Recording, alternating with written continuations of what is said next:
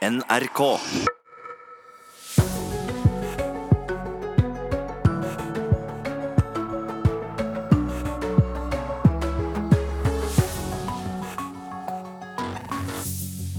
Ja, da er vi alle våkne og hører på Nyhetsmorgen. Og i dag skal du få høre mer om at Norges forsvarssjef nå kommer med hard kritikk av Russland. Utviklingen skaper sikkerhetsutfordringer både i Norge og Europa, sier Håkon Brun Hansen. Sensuren i Kina strammer nå inn grepet rundt eh, landets rappere. Og miljøminister Ola Elvestuen er i Vatikanet i dag for å lede et av pavens klimaseminarer. Og om teknikken står oss bi, så skal vi ha med oss Elvestuen fra Vatikanet om et kvarters tid, kanskje litt før. Nyhetsmorgen får du uansett med Birger Kolsrud Aasund i studio. Forsvarssjef eh, Håkon Brun-Hansen retter nå hard kritikk mot Russland. For Brun-Hansen sier i et intervju som du skal få høre her i full lengde i Nyhetsmorgen klokka ti over halv åtte, han sier at oppførselen til vårt naboland i øst er det som bekymrer han mest i dagens sikkerhetspolitiske situasjon. Ikke det at vi er bekymret direkte for eh, Russland, at de representerer en trussel, men vi har sett et langt mer selvhevdende Russland som har valgt å bruke militærmakt for å nå politiske mål. Vi så det i Georgia i 2008, i, på Krim og i Ukraina i 2014. Eh, vi har sett de bruker militærmakt for å støtte Assad-regimet i Syria. Forsvarssjef Håkon Brun-Hansen kommer med kritikken mot Russland i forbindelse med et lengre intervju i NRKs Nyhetsmorgen. Og det er ikke bare den rent militære siden som bekymrer forsvarssjefen når det gjelder virksomheten til Norges naboland i øst. Så har de også underminert organisasjoner, samfunnsstrukturer, lovlig valgte regjeringer rundt i hele Europa. Eh, gjennom både falske nyheter, gjennom å påvirke og støtte organisasjoner, så destabiliserer de en del av Nato-land eller EU-landet. Alle disse tingene bekymrer oss. Det er en utvikling vi ikke har sett siden den kalde krigen. Eh, det er en utvikling som er med på å skape sikkerhetsutfordringer for Europa som helhet og enkeltnasjoner innenfor Europa. Og Håkon Brun-Hansen mener stasjoneringen av amerikanske styrker for å øve på norsk jord er viktig for sikringen av norsk territorium. Det at de kommer og øver og trener hos oss, det er essensielt for at sikkerhetsgarantien skal være troverdig. Ja, vi har vært i kontakt med den russiske ambassaden i Oslo, og de vil foreløpig ikke kommentere denne saken. Reporter her, det var Eirik Ramberg. Og hele intervjuet altså, med Håkon Brun-Hansen, kan du høre her i Nyhetsmorgen om eh, Ja, det blir om en halvtime cirka. Stadig flere engasjerer seg i skjebnen til de innesperrede guttene i grottene i Thailand. Sist ut i natt var jo kongen i landet som ba om at redningsaksjonen måtte få ut både guttene og treneren så fort som mulig. Og Roger Severin Bruland, eh, er du på plass utenfor grotteinngangen igjen? Og i så fall, hvordan ser det ut der nå? Ja, her er et uh, voldsomt kok av uh, hjelpearbeidere som uh, går fram og tilbake og inn og ut av grotteåpningen. Jeg snakka så vidt med en av de britiske dykkerne som hadde vært inn til disse guttelaget. og De sier de har fått streng ordre om å ikke uttale seg til pressen. Men det som var sagt på morgenbrifinga i dag, var at hvis det nå ikke skulle begynne å regne, at en kan begynne å hente dem ut allerede om tre-fire dager. Ja, Men hvordan ser det ut med regnet da? Det er jo tid for monsunregn. Har det kommet eh, mer, og kommer det mer? Det er helt umulig å vite. Det var jo meldt eh, regn eh, disse dagene her, men det har ikke slått til. Så en kan ikke stole helt på værmeldinga. Og det folk eh, gjør, de håper jo bare på at det, det, ikke vil begynne å regne. Og da ser jeg kriseledelsen her, at de kan begynne å, å hente ut disse her eh, guttene. Fordi at en har klart å pumpe ut eh, såpass mye vann fra grotta. Og det de sier er at en regner med at det vil ta ca. 11 timer per person å hente ut pga. ulike utfordringer som vi alle er kjent med inne i grotta. Eh, vi hører jo at det er eh, mye som skjer rundt deg der, eh, Roger. Og, og vi har også hørt tidligere at politiet sperrer av sånn at ikke det skal komme for mange bort og forstyrre hjelpemannskapet. Men hvordan er stemningen, vil du si, rundt grottåpningen? Stemningen er absolutt god. Her jeg står, så blir det laga mat og servert mat til alle hjelpearbeiderne. Det det er, gratis, og det er mange i lokalsamfunnet her som stiller opp eh, som frivillige for å hjelpe til. Eh, hvis du hørte en ropert eh, i bakgrunnen, så er det da beskjed til de lokale om å ta vel imot alle besøkende fra utlandet og hjelpe dem å finne mat og vann og, og, det de måtte trenge. Så det er en veldig dugnadsånd og iver utenfor for grotteåpninga her eh, her i Chiang Rai-provinsen.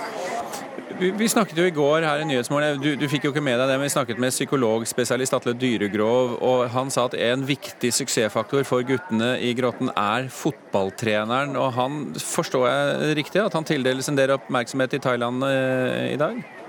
Absolutt. Eh, han er jo faktisk fra Myanmar, eh, som er et eh, veldig religiøst land. Myanmar er jo rett ved sida av her. Han har vært munk og har lang erfaring innen meditasjon. Og Det som det blir sagt, er at han har lært disse guttene å meditere for å roe seg ned. Han har eh, hjulpet dem eh, med å skaffe vann. Og den vesle maten han, de har hatt, har han, eh, har han gitt til dem, og, og, og tatt ingenting sjøl. Så han har en heltestatus her utenfor grotteåpninga og i resten av Thailand. absolutt. Ok, Roger Severin Bruland, takk for at du orienterte her på morgenkvisten norsk tid.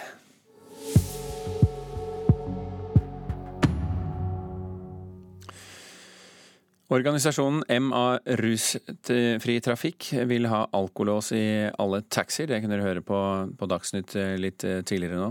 Det er påbudt med alkolås i busser og minibusser etter et vedtak i Stortinget tidligere i år, men organisasjonen har større ambisjoner enn som så. Generalsekretær Elisabeth Fjellvang Christoffersen mener man på sikt må få alkolås i alle biler. Da skal jeg blåse, og da vil jeg høre en pipelyd. Og nå står det test OK, og så står det god tur videre. Den har i hvert fall starta. En alkolås er en innretning hvor man må blåse inn i et munnstykke for å få start på bilen sin. Etter 1.1.2019 må alle nye busser og minibusser ha en slik. Organisasjonen MA Rusfri Trafikk vil ha mer. Vi ble jo litt skuffet over at ikke taxi var inkludert eh, i det forslaget i utgangspunktet. Det sier generalsekretær Elisabeth Fjellvang Christoffersen. Så vi ønsker jo selvfølgelig at det også skal eh, være alkolås i taxi. Ifølge Vegdirektoratet var kjøring i ruspåvirket tilstand en sannsynlig medvirkende faktor i 20% av dødsulykkene på norske veier i 2017. Personer har krav på en trygg transport. Eh, når man betaler for en transport, så skal man være så trygg som overhodet mulig, og en alkolås er med på å sikre det. Hvis det skjer, så går det utover eh, kundene våre. For det er ikke noe som vi skal bare legge ut, som vi skal betale Taxisjåfør Asim Mahmoud synes ikke alkolås er en god idé.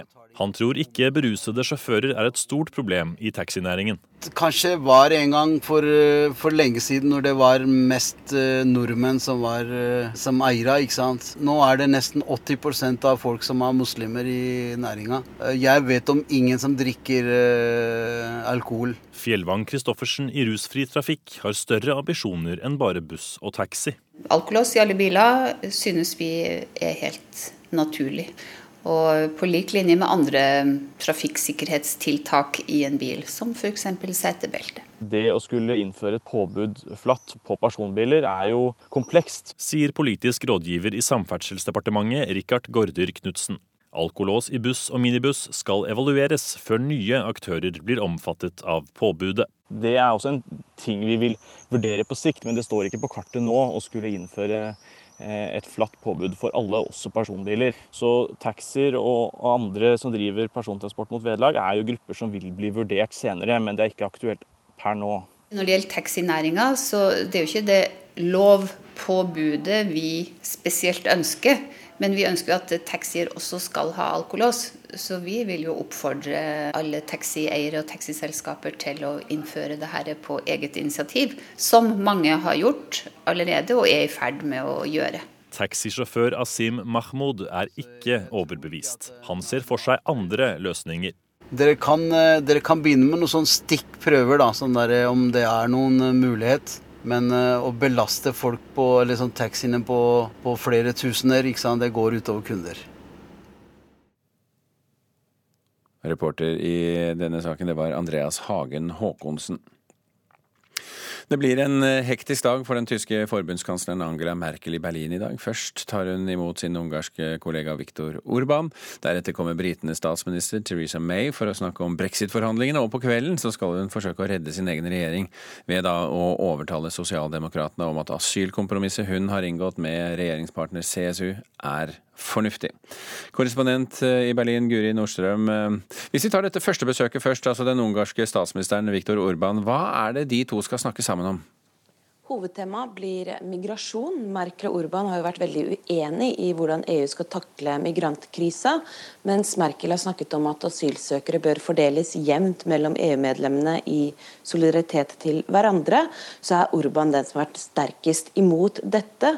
Ungarn har knapt tatt imot noen asylsøkere i det hele tatt og han har også vært en av hennes sterkeste kritikere. Men før dette møtet så har han sagt at han nå er villig til å samarbeide med Merkel i hennes siste plan om å forsøke å få ned antall asylsøkere. Han sa i et intervju med avisa Bilt at han er åpen for en bilateral avtale om retur av migranter, dersom Tyskland også klarer å få til en lignende avtale med Østerrike.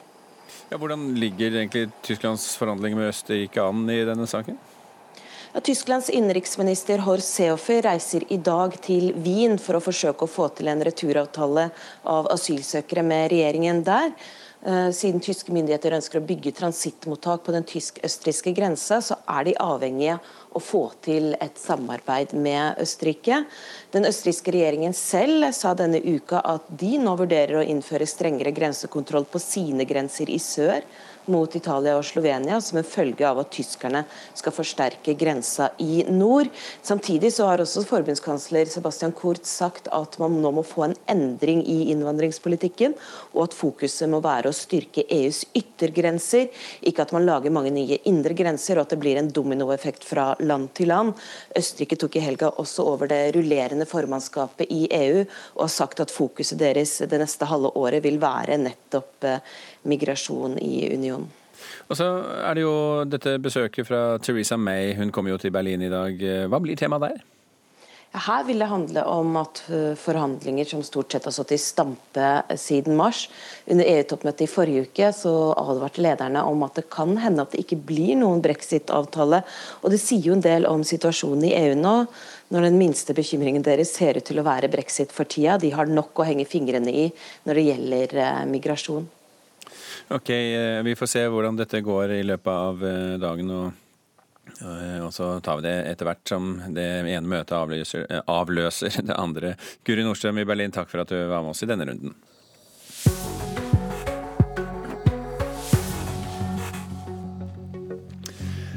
Klokken har passert 16 minutter over sju. Du hører på Nyhetsmorgen, NRK P2 og Alltid nyheter og det hele. Toppsakene våre i dag er at eh, Norges forsvarssjef eh, kommer med hard kritikk av Russland. Utviklingen skaper eh, sikkerhetsutfordring for både Norge og Europa, sier Håkon Brun Hansen. Sensuren i Kina strammer nå inn grepet rundt landets rappere. Og til tross for økende miljøbevissthet blant folket, så er det ikke alltid tilrettelagt for kildesortering i skjærgården. Apropos miljøsaker. Denne uken så arrangeres jo klimakonferanse i Vatikanet. Konferansen er en markering av at det er tre år siden pave Frans eh, kom med sitt pavebrev om verdens klima- og miljøutfordringer. Klima- og miljøminister Ola Elvestuen er invitert til å lede et panel om klimaendringer, og er vel på plass i Vatikanet nå. Ola Elvestuen, eh, takk for at du er med oss i Nyhetsmorgen. Ja, bare hyggelig. Hva er du mest spent på når du skal møte paven? Nei, Det er jo om eh, vi kan bygge videre på et eh, samarbeid vi ønsker. Norge har tatt initiativ til et eh, Interfaith Rainforest Initiative på hvordan vi skal mobilisere trossamfunn, religiøse ledere, for å ivareta regnskogen. Og gitt at regnskogland i enten det er Sentral-Afrika, i Latin-Amerika, så er jo den katolske kirken helt sentral. Og vi ønsker jo selvfølgelig å bygge videre på et samarbeid med Vatikanet om det. Ja, Hvorfor er nettopp de religiøse lederne viktige for deg? Det Laudato si og pavebrevet som jo nå markerer tre, års, tre år av, er jo dannet på mange måter et moralsk og etisk grunnlag som kan være gyldig for flere trosretninger. Om hvorfor må vi må bekjempe klimaendringer, hvorfor vi må bli flinkere til å ivareta den jorda som vi har. Eh, og det er klart, hele kjernen i Parisavtalen er at du skal mobilisere alle sektorer, alle land, eh, alle bedrifter, organisasjoner, og deriblant også religiøse ledere og trossamfunn, for å ivareta ivareta eh, jorda og ivareta og bekjempe klimaendringer. Men her mer spesifikt også for å ivareta eh, regnskogen. Eh, jeg, går jo ut fra at ikke paven kommer til å vandre rundt fra seminar til seminar og, og og lytte litt her og lytte litt der, men det skal altså være en audiens. Og, og hvis du får sjansen, hva kommer du til å si til pave Frans? Jeg må, jo, jeg må jo, både takke for det, den innsatsen som han har gjort, øh, og det ledelse han har vist for å øh, ivareta både regnskog og bekjempe klimaendringer. Og så er det jo i den grad det er mulig å ta opp initiativet vårt på Interfaith øh, Rainforest Initiative og muligheten for et sterkere involvering både fra han personlig og fra Vatikanet. Hva tenker du om det som kan fremstå som et litt paradoks, da, at, eh, at, du skal lede dette klimaseminaret samtidig som du kommer som en representant for en stor oljenasjon? Norge, som eh, mange andre land, må gjøre store endringer, og det må skje mye raskere enn det. Mye større endringer og mye raskere enn det vi har sett for oss eh, tidligere. Så vi må fortsette det lederskapet vi har for å redusere utslipp. Det gjelder i Norge, ha en lederrolle internasjonalt. Og så må vi også legge om vår egen eh, økonomi. For det er jo ikke noe tvil om at olje og gass må bli mindre og vil bli mindre del av norsk økonomi i åra framover. Derfor må vi ha en større variasjon på økonomien, og vi, må, vi kommer til å måtte forberedes på en reduksjon. Og Dette er jo også de to største utfordringene som regjeringa også peker på i Jeløya-plattformen. Én er oppfølging av våre klimaforpliktelser. Det andre er omstilling av norsk økonomi. Ola Elvestuen, lykke til i Vatikanet i dag.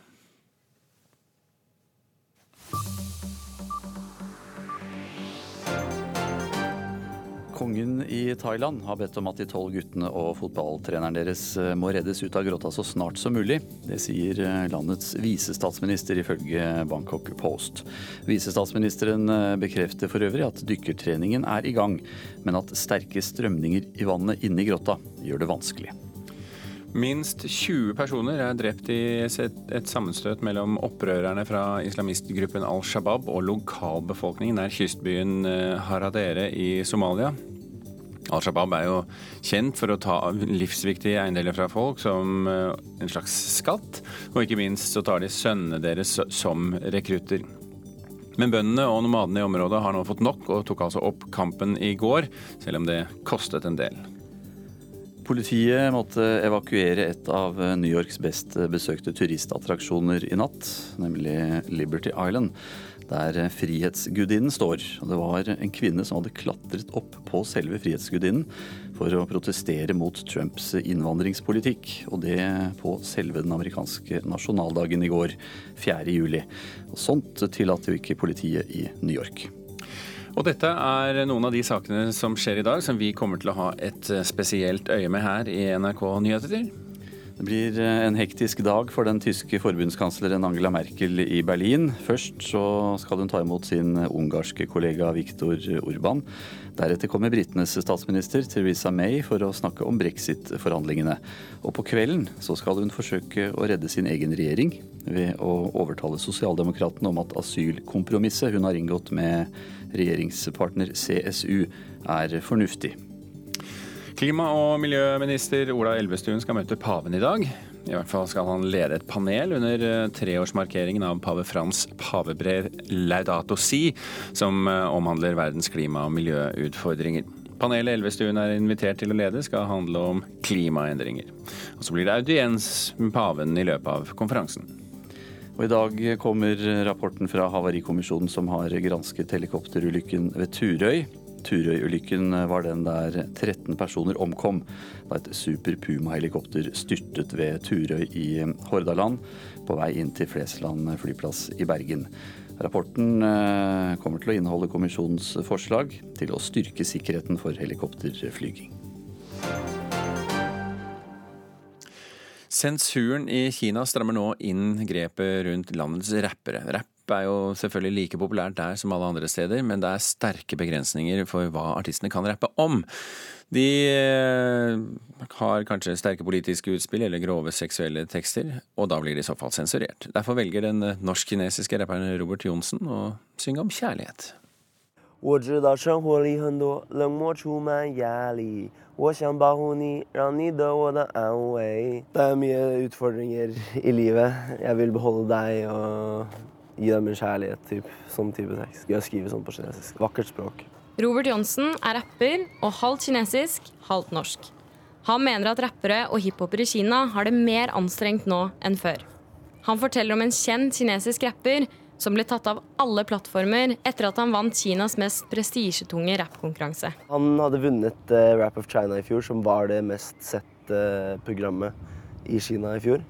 Og så da hadde han uh, Jeg tror det var, handlet om en affære eller noe sånt med noen viktige mennesker. Og så det hadde ført til at da fikk alle rapperne assosiert med han problemer. Han selv får ikke lov til å dele musikk, han får ikke lov til å dele noe på sosiale medier. Det blir tatt ned med en gang. Sånn sett en shutdown. da. Han er jo sånn fengslet i eget hjem. da. Denne hendelsen var et tilbakeslag etter at hiphopen virkelig hadde tatt av i Kina året før, skriver The New York Times.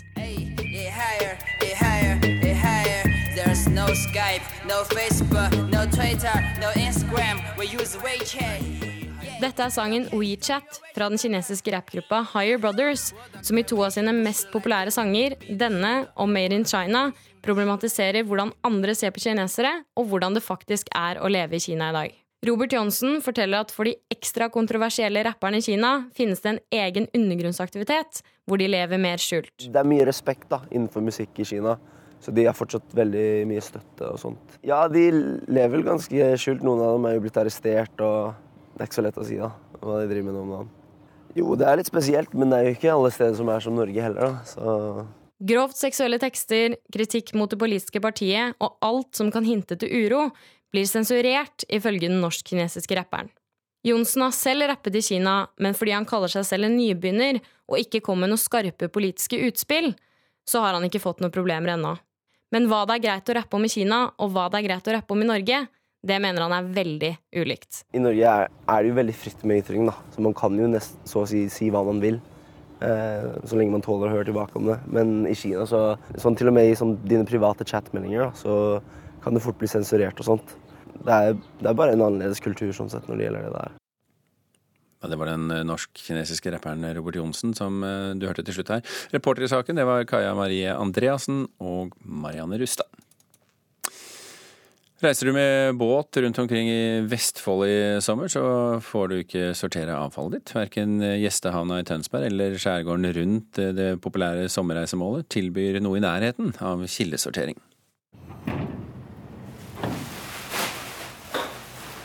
Det, folk er vant til hjemme, det vil vi gjerne gjøre ute. Og vi ser jo det at miljøbevisstheten for meg som har jobba i 20-30 år med det her, så ser jeg miljøbevisstheten i skjærgården har blitt vesentlig høyere. Skjærgårdstjenesten er på søppelhenting i Tønsberg og Færderskjærgården. Bare i løpet av dagen regner avdelingsleder Øystein Hovde med å hente om lag 150 søppelsekker på de ulike øyene. Til tross større miljøbevissthet kan sekkene som hentes inneholde både matavfall, papp, plast og restavfall. Hovde tror det er mulig å få på plass et nytt system. Ja ja, det er det. Og det er andre skjærgårdstjenesteenheter som har, eh, har, stasjoner utplassert. Hvis du går til Rogaland og Stavanger-området, så har de store, flotte stasjoner.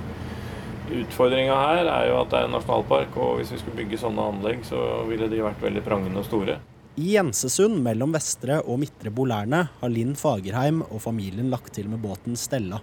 De syns det er viktig å sortere avfallet når de er på tur. Ja, absolutt, men vi kunne godt vært flinkere. Syns dere det er eh, godt nok tilrettelagt i skjærgården her? Ja, det er det. Og så syns vi jo Skjærgårdstjenesten gjør en veldig god jobb. Sammen med Vest-Agder og Telemark ligger ifølge Grønt punkt Vestfold på norgestoppen når det kommer til kildesortering. Kari Lill Ljøstad, kommunikasjonssjef i Grønt punkt, syns vi skal gå litt i oss selv når det kommer til å kvitte oss med søppel på øyene. Kildesortering er kjempefint, og man bør jo kildesortere så mye man kan, men vi vet at det er ikke tilrettelagt på alle uthavner og, og overalt. så Punkt én, pass på at det havner i en søppelkasse og ikke i naturen. Eh, og så syns jeg jo at vi skal kjenne på litt moral. Altså det er ikke noe menneskerett at alle dunker og beholdere er tomme når akkurat du kommer med ditt avfall. Tilbake på skjærgårdstjenestebåten sitter en optimistisk Øystein Hovde bak styrespakene. Det skal ikke så veldig mange som ikke følger opp systemet før eh, avfallet de tar imot må sorteres som restavfall allikevel. Men, eh, men, det betyr jo ikke at en skal gi opp eh, tanken med å få det til. Og reporter i Vestfold for oss i dag var Bendik Hansen. Ja, nå kommer nyhetene her i denne kanalen om ikke veldig lenge, altså hovedsendingen til Dagsnytt. Og så, når de er ferdige etter ti minutter, så kommer intervjuet som du har fått varslet litt om tidligere i sendingen, nemlig intervjuet med vår eh, forsvarssjef eh, Håkon Brun-Hansen. Han er svært bekymret for utviklingen i Russland, og det skal vi snakke om. Og så skal du få en godnyhet fra eh, psykisk helsevern. Det er det jo ikke så ofte du får, men du får det her i Nyhetsmorgen om noen minutter.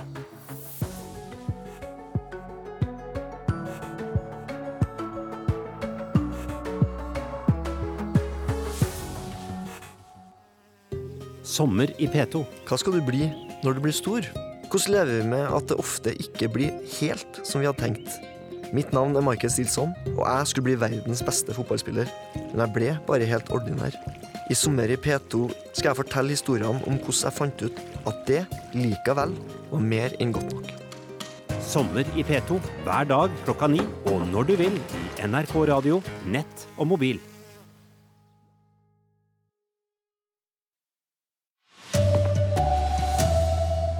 Norges forsvarssjef er bekymret for Russlands bruk av militærmakt. Redningsmannskaper i Thailand har fremdeles store utfordringer med regn og sterke strømninger. Klarer ennå ikke å få guttene trygt ut. Trafikkorganisasjonen vil ha alkolås i alle drosjer. Etter hvert også i alle biler. Først eh, til eh, Thailand, for eh, stadig flere engasjerer seg i skjebnen til de innesperrede guttene i grotta nord i landet. Sist ut i natt var kongen i landet som ba om at redningsmannskapene nå måtte få ut både guttene og treneren så fort som mulig. Og Reporter Roger Severin Bruland, du er utenfor grotta nå. Hva foregår der? Ja, Det er et voldsomt kok av redningsarbeidere og dykkere som går inn og ut av grotteinngangen. Det var en eh, brifing her eh, i dag tidlig. Der ble det sagt at en håper å kunne begynne å ta dem ut allerede om tre-fire dager, hvis det ikke begynner å regne, fordi en har klart å pumpe ut såpass mye vann. Men det med regnet er et stort hvis, for hvis det begynner å regne, så kan det bli svært eh, krevende å få ut dette her guttelaget og treneren deres. Ja, hvordan har de tenkt seg at de skal få dem ut? Det er en kombinasjon av at de har pumpa ut såpass eh, mye vann at det ikke blir nødvendig å dykke så veldig mye. Jeg snakka med en av disse britiske dykkerne. De var veldig ordknappe. Men det som var sagt på eh, brifinga i dag tidlig, er at en regner med at det vil ta elleve timer å hente ut én person. Pga. Eh, utfordringene som er inne i grotta, som vi alle vet om. De sitter altså innesperret nå på tolvte døgnet. Nå får eh, fotballtreneren skryt. Hva er det han eh, har gjort for å holde motet oppe blant eh, guttene? Han har en fortid som munk i nabolandet Myanmar. Han har lært deg meditasjon og, og slappe av. Han har ofra seg sjøl veldig mye for å hjelpe dem. Gitt dem all maten de har klart å, å, å skrape sammen, og også samle drikkevann fra eh, grottetaket. Så han eh, blir sett på som en eh, folkehelt, eh, sammen med mange andre eh, som er involvert her, som har fått veldig mye skryt. Bl.a. guvernøren i Chiang får veldig mye skryt for måten han har ledet redningsarbeidet på. Takk skal du ha, reporter Roger Severin Bruland. Forsvarssjef Håkon Brun-Hansen retter nå hard kritikk mot Russland. Brun-Hansen viser bl.a. til Russlands bruk av militærmakt for å nå politiske mål. Dette er med på å skape sikkerhetsutfordringer for eh, hele Europa, mener Brun-Hansen. Ikke det at vi er bekymret direkte for eh, Russland, at de representerer en trussel, men vi har sett et langt mer selvhevdende Russland. Som har valgt å bruke militærmakt for å nå politiske mål. Vi så det i Georgia i 2008, i på Krim og i Ukraina i 2014. Eh, vi har sett de bruker militærmakt for å støtte Assad-regimet i Syria. Forsvarssjef Håkon Brun-Hansen kommer med kritikken mot Russland i forbindelse med et lengre intervju i NRKs Nyhetsmorgen. Og det er ikke bare den rent militære siden som bekymrer forsvarssjefen når det gjelder virksomheten til Norges naboland i øst. Så har de jo også underminert organisasjoner, samfunnsstrukturer, lovlig valgte regjeringer rundt i hele Europa. Eh, gjennom både falske nyheter, gjennom å påvirke og støtte organisasjoner, så destabiliserer de en del av Nato-land eller EU-landet. Alle disse tingene bekymrer oss. Det er en utvikling vi ikke har sett siden den kalde krigen. og det er en utvikling som er med på å skape sikkerhetsutfordringer for Europa som helhet og enkeltnasjoner innenfor Europa. Og Håkon Brun-Hansen mener stasjoneringen av amerikanske styrker for å øve på norsk jord er viktig for sikringen av norsk territorium. Det at de kommer og øver og trener hos oss, det er essensielt for at sikkerhetsgarantien skal være troverdig. Den russiske ambassaden i Oslo skriver i en e-post at de ikke vil kommentere saken nå. Kan høre et lengre intervju med Håkon Brun-Hansen i sommerkvarteret på P2 Alltid nyheter ganske snart, klokka 7.40. Reporter her, Eirik Ramberg. Storbritannias innenriksminister sier at regjeringens beredskapsutvalg skal møtes i dag, i forbindelse med at et britisk samboerpar har blitt utsatt for nervegiften Novichok ved Salisbury i England. Det er samme type gift som den tidligere spionen Sergej Skripal og hans datter ble utsatt for tidligere i år. Nesten én av fem som klager på eksamenskarakterer i skolen, får en høyere karakter enn utgangspunktet. Det skriver Aftenposten i dag. Ifølge Utdanningsforbundet klaget nesten 11 000 på karakteren sin våren 2017. 19 år gamle Marie Ulven gikk fra stryk til toppkarakter etter å ha klaget på en skriftlig eksamen i vår. Reporter Lars Hægeland, fra stryk til toppkarakter, det er litt av et hopp?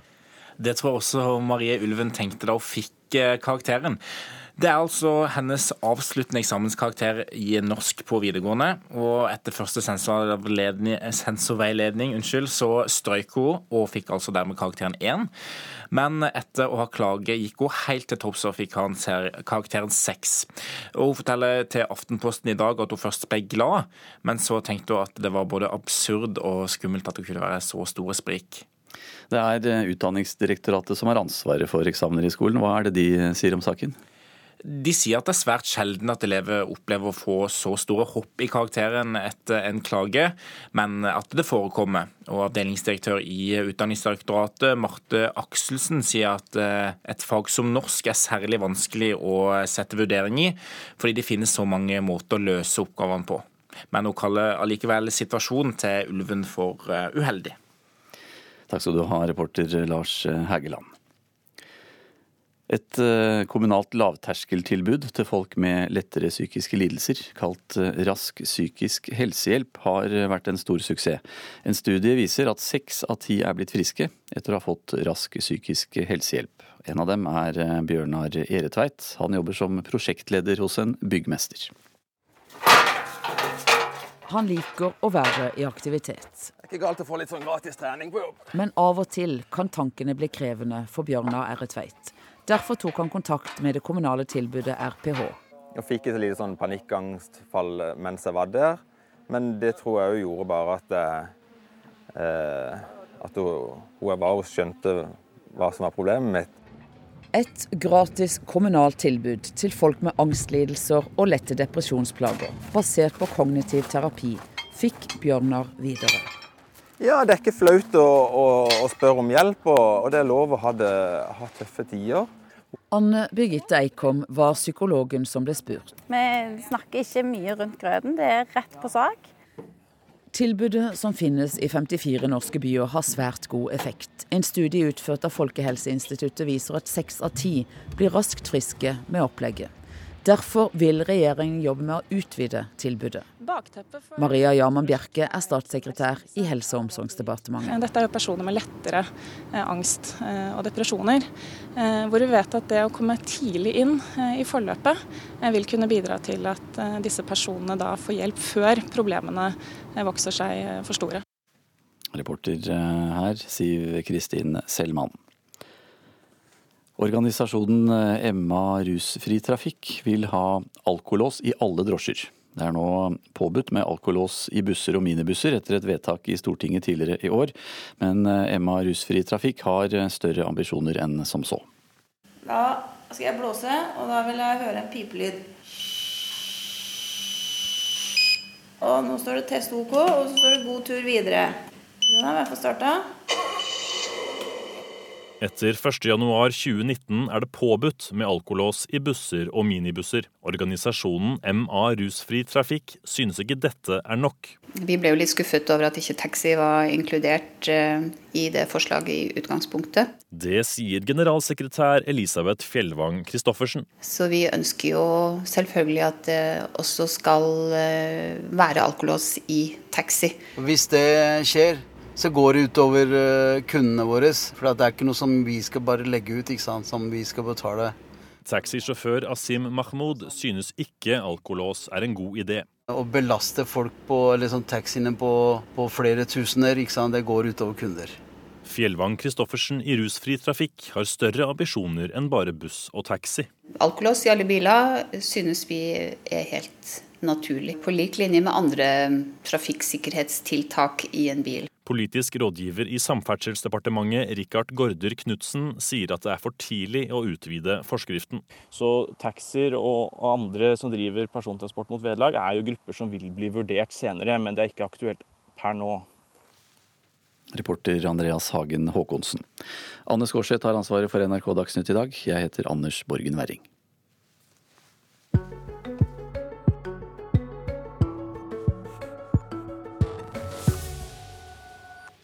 Ja, det er ikke så ofte vi snakker om positive trender i norsk helsevern, sånn som den saken du nettopp hørte i, i Dagsnytt. Og hvis du ikke hørte det når man nettopp har skrudd på radioen, så la meg bare fortelle at et kommunalt lavterskeltilbud til folk med lettere psykiske lidelser, kalt Rask psykisk helsehjelp, har vært en stor suksess. En studie viser at seks av ti er blitt friske etter å ha fått rask psykisk helsehjelp.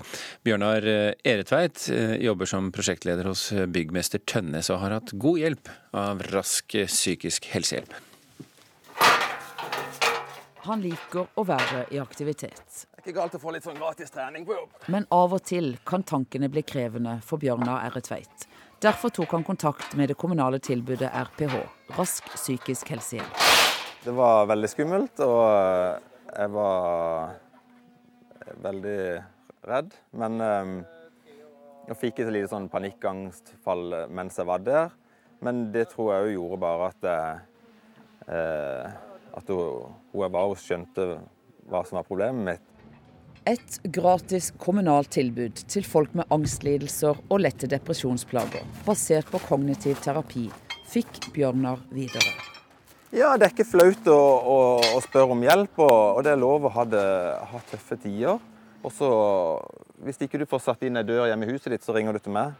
Men hvis du har litt problemer med angst eller tankene, så kan du spørre en psykolog. Sånn tenker jeg. Hei, hei.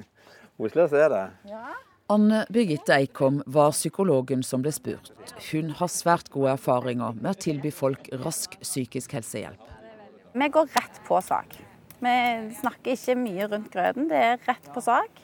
Og så vi, benytter vi oss mye av informasjon fordi at vi ser at det er så mange av de som tar kontakt med oss, at de trenger god og riktig informasjon om angst, om depresjon, om søvnplager, som gjør at de kan snu onde sirkler til gode sirkler.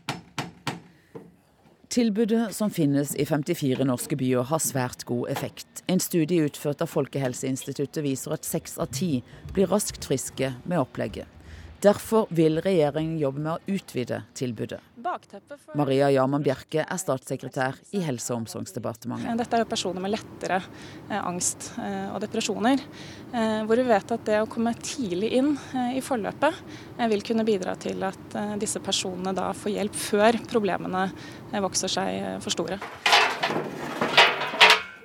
Nei, nå tenker jeg hvis jeg, hvis jeg kjenner uh, angst for uh, en eller annen situasjon, eller så kan jeg ikke tenke at det er noe farlig eller at det er noe galt med meg. Eller, uh, for tidligere så kjente jeg etter på den angsten og klarte ikke å slå meg til ro med den. Men nå kan jeg f.eks. tenke at jeg er nervøs for, fordi jeg skal møte noen, eller fordi jeg skal gjøre noen av de tingene som jeg ikke likte før. At jeg vet mer om hva, de, hva, det, hva det er som skjer med dem. Nå sier regjeringen at de vil jobbe med å utvide dette tilbudet. Reporter her det var Siv Kristin Selman.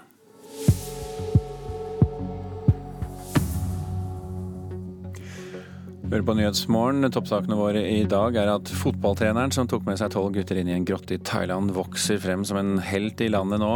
Har delt all maten han hadde med guttene og har lært dem meditasjon. Sensuren i Kina strabber nå inn grepet rundt landets rappere. Og organisasjonen Emma Rusfri Trafikk vil ha alkolås i alle taxier, og på sikt alle privateide biler også. Forsvarssjef Håkon Brun Hansen er over gjennomsnittet interessert i fotball, men sendingene fra VM i Russland får han sett eh, altfor lite av, syns han. Men det betyr ikke at han ikke tenker på Russland. Fra sitt kontor i Oslo er den 57 år gamle admiralen ikke i tvil om hva som bekymrer ham mest i en sikkerhetspolitisk sammenheng Russland. Håkon Brun-Hansen er dagens gjest i Politisk sommerkvarter.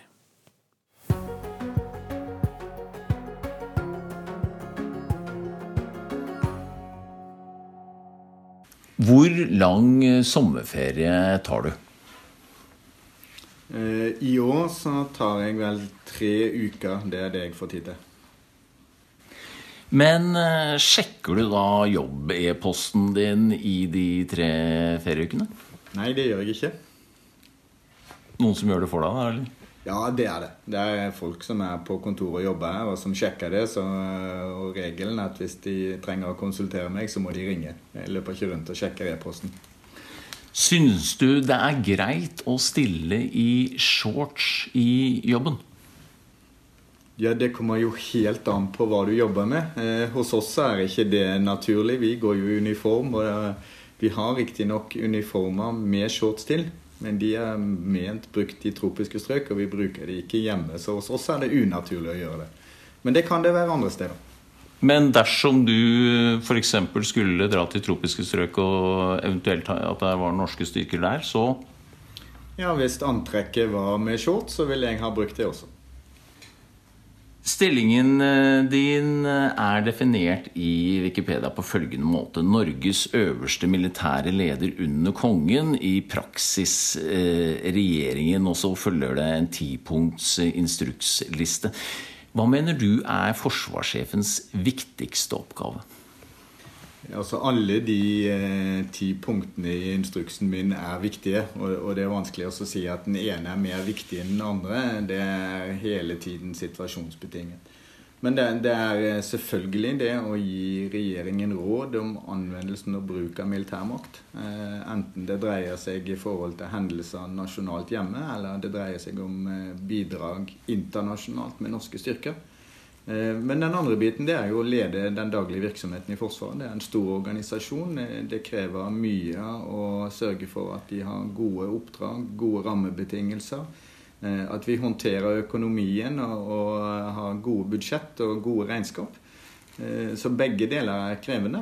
Begge er viktige, men det varierer hva som er det viktigste til enhver tid. Som Norges forsvarssjef, admiral Håkon Brun Hansen, hva er det som bekymrer deg mest i dagens sikkerhetspolitiske situasjon?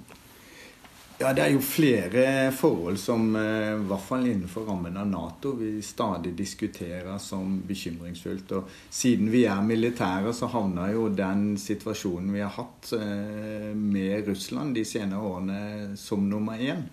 Eh, ikke det at vi er bekymret direkte for Russland, at de representerer en trussel, men vi har sett et langt mer selvhevdende Russland som har valgt å bruke militærmakt for å nå politiske mål. Vi så det i Georgia i 2008, i, på Krim og i Ukraina i 2014.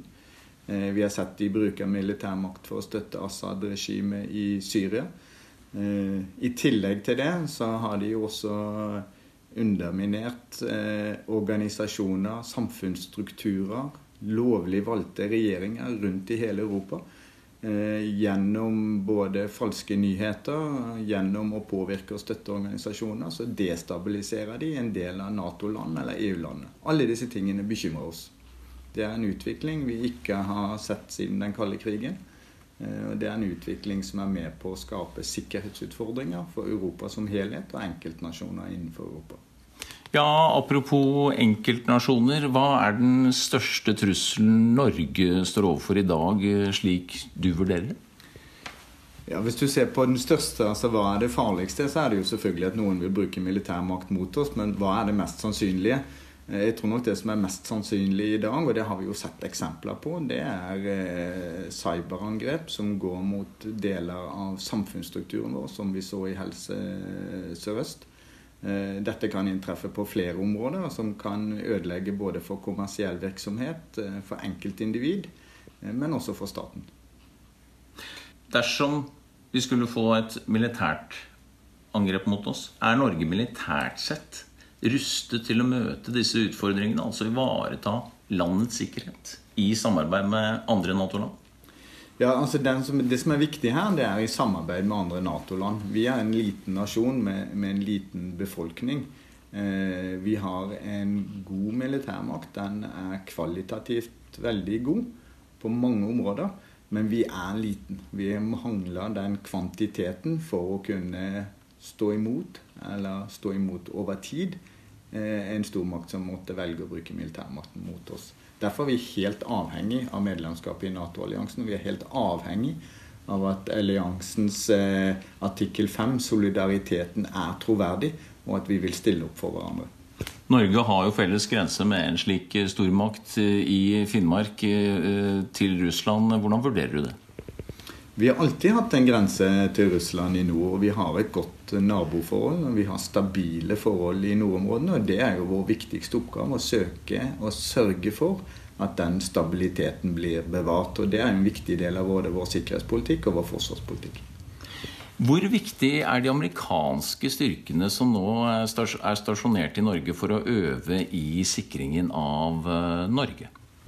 Ja, De er eh, veldig viktige, og det er det flere grunner til. Og Den første og den viktigste sett med mine øyne er jo at det er et, eh, et synlig bevis på at solidariteten innenfor Nato-alliansen er til stede.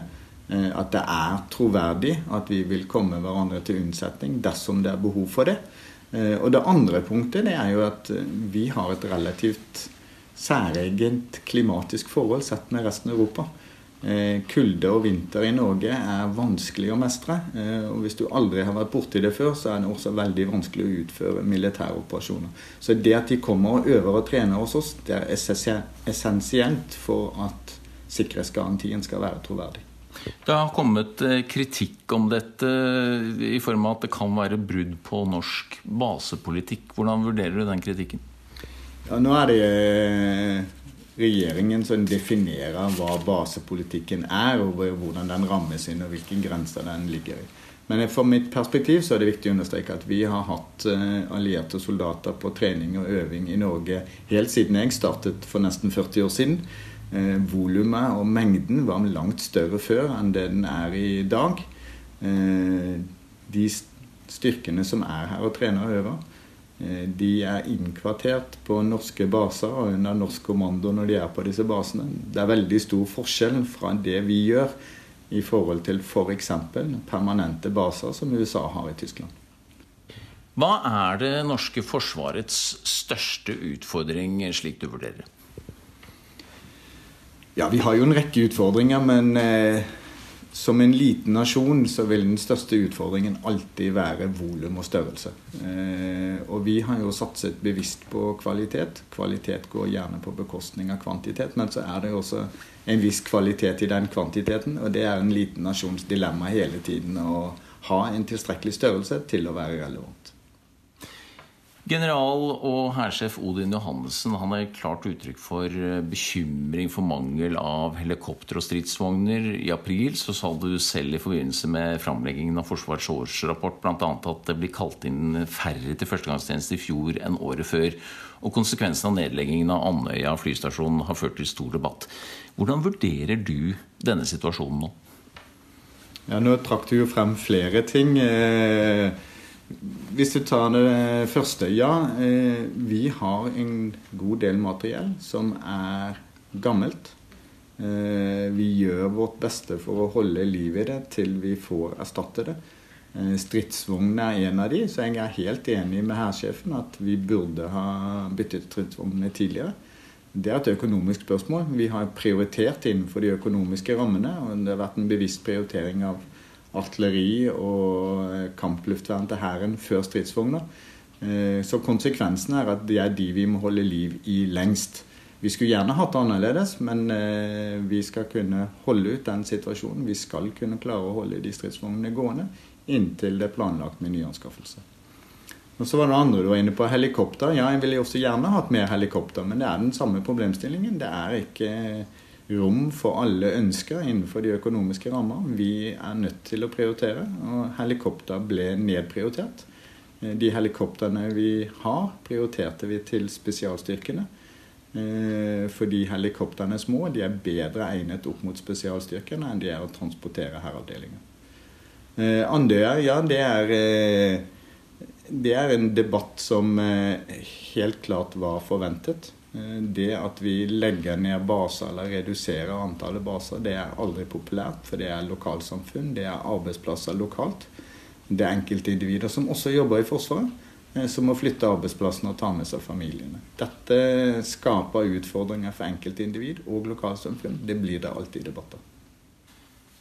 Hvor tydelig er du i å si fra til regjeringen eller eh, Frank Bakke-Jensen, for å være helt tydelig, forsvarsminister, eh, når du eh, mener det gjøres feil?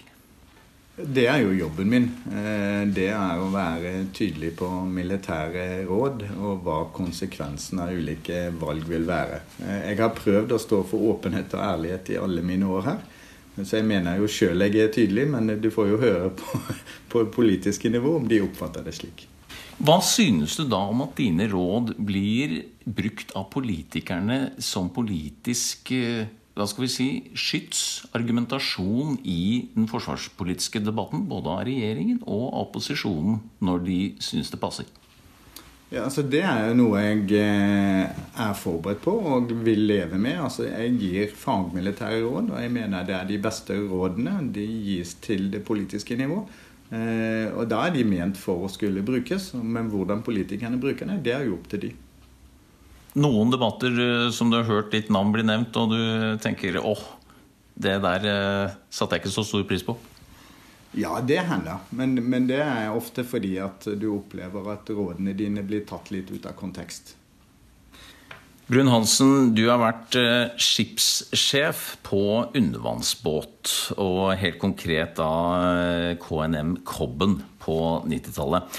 Hvordan vil du beskrive forskjellen på ansvaret og innflytelsen eh, du har i dag som forsvarssjef, og det å være øverste sjef på en av Sjøforsvarets ubåter dypt nede i havet under overflaten? Ja, Det er jo to veldig forskjellige ting. Eh, som skipssjef for en undervannsbåt så har du ansvaret for båten og bemanningen eller besetningen om bord. Eh, som forsvarssjef så har jeg ansvaret for helheten av Forsvaret, så det er betydelig større det jeg sitter med i dag. Men vi pleier jo av og til å si, og vi gjør det jo litt for å være morsom, eh, at når du er ubåtsjef, så, så har du jo langt mer selvstendighet enn du noen gang har seinere. For når vi legger på luken og går under vann, så er det, det er dårlig med kommunikasjon nede i havdypet. Så da er du helt alene. Det er du som må gjøre vurderingene, og det er du som må ta beslutningen. om må stå til rette for dem etterpå. Men det er ingen som påvirker deg der og da. Det er en selvstendighet som du faktisk ikke får igjen, selv ikke på dette nivået. Hva var morsomst, eller hva er morsomst? Å være ubåtsjef eller forsvarssjef? Jeg, jeg syns definitivt det å være ubåtsjef. Det var derfor jeg begynte i marinen. Det var for å seile fartøy, og det var for å få lov til å være sjef på båt en gang i tiden. Eh, det var utrolig morsomt. Jeg hadde gleden med flere enn én båt eh, og over mange år. Eh, det er den beste tiden jeg har hatt i Forsvaret. Håkon Brun-Hansen, du er over gjennomsnittet fotballinteressert. Broren din Roald han har vært en del av ledelsen i sportsklubben Brann. Og i disse fotball-VM-tider, får du nok tid til å se fotball når du samtidig må være forsvarssjef? Nei, det, det gjør jeg ikke. Jeg prøver å prioritere av og til å få med meg litt av fotball, men nok tid til det får jeg ikke. Du er forberedt på at du skulle få noen korte ja-nei-spørsmål? Det, det, tar vi. det tar du. Så nå, nå kommer verdi. Bør Norge opp på 2% av bruttonasjonalprodukt til forsvar innen 2024, slik Nato har vedtatt? Ja. Svekker plasseringen av helikoptre på Rygge Norges forsvarsevne i nord? Nei. Har du forståelse for dem som er kritiske til nedleggelsen av Andøya flystasjon? Ja. Benyttet du stemmeretten ved stortingsvalget i fjor? Ja. Og i disse sommertider som sjøforsvarsmann, har du båt? Nei. Men forsvarssjef, helt ærlig. Dersom du hadde valget mellom et viktig møte med forsvarsminister Frank Bakke-Jensen, når du nå skal ruste ham med argumenter foran regjeringens budsjettkonferanse over sommeren, eller fotballkamp på Brann stadion med fullsatte tribuner, hva hadde du valgt? Nå er jeg jo så lojal i dette systemet at jeg er ikke i tvil om at jeg hadde tatt møte med Frank Bakke-Jensen. Men hjertet mitt hadde nok vært på fotballkampen i Bergen. Det kan nok hende. Ja, for Mitt neste spørsmål vil da være hva hadde du hatt mest lyst til innerst inne? Ja, Der fikk du jo svar på det, ikke sant? ja, det var altså forsvarssjef Håkon Brun-Hansen. Han snakket med vår reporter Eirik Ramberg i det som vi nå, i fravær av det vanlige Politisk kvarter, kaller Politisk sommerkvarter. Og den russiske ambassaden i Oslo har fått anledning, men vil ikke kommentere dette intervjuet. Straks skal det handle om eh, svensk politikk. Vi skal til Almedalsvekkan, men vi skal først ha en siste nyhetsoppdatering.